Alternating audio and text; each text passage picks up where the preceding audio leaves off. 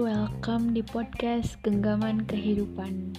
Pada episode kali ini aku pengen obrolin tentang prinsip metode 80 per 20 atau bisa kita sebut dengan prinsip Pareto.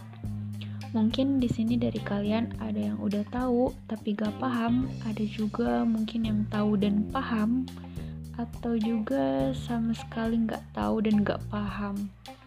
Simpelnya, prinsip ini menyarankan kamu untuk memilih dua dari 10 hal yang ada. Dan gimana caranya, dua hal yang kamu pilih itu lebih berharga dari delapan hal lainnya. Prinsip ini mengajak kamu untuk fokus pada hal yang lebih kecil atau sedikit, tetapi penting untuk memperoleh hal yang besar. Oke, gimana caranya? Yuk kita coba. Bisa kamu praktekin juga karena sangat sederhana sekali caranya. Ini tips yang paling sederhana yang bisa kamu lakukan. Oke, pertama, kalian cukup tuliskan 10 tujuan hidup kalian. Ya, bisa di kertas, bisa di buku, pokoknya tulis 10 tujuan hidup kalian. Kemudian, kalian tanya nih sama diri kalian, jika kalian hanya dapat mencapai dua tujuan saja, maka tujuan mana yang akan memiliki dampak positif terbesar dalam hidup kalian? Oke, okay? nah, jika sudah menemukannya, maka tujuan itulah yang perlu kalian capai. Misal nih, jika kalian di awal memang punya lebih dari 10 tujuan, maka ya tulis saja dulu, lalu kalian eliminasi terlebih dahulu hingga 10 tujuan. Setelah itu, maka pilihlah dua tujuan, dua saja, dua tujuan yang benar-benar berdampak terhadap kehidupan kalian. Oke, okay, sudah. Nah, uh, kenapa sih harus pilih-pilih kalau kita bisa melakukan semuanya?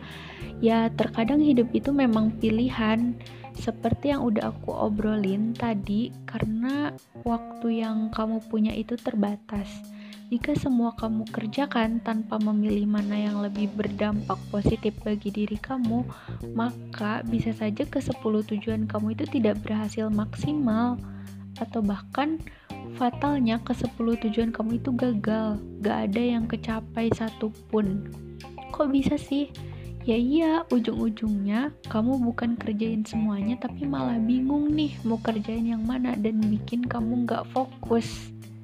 Atau gini, jika kamu tidak memilih pilihan yang tepat bagi kamu, kemungkinan pilihan yang nantinya kamu capai itu tidak bermanfaat bagi diri kamu, atau sebenarnya bukan hal yang emang dibutuhkan oleh kamu.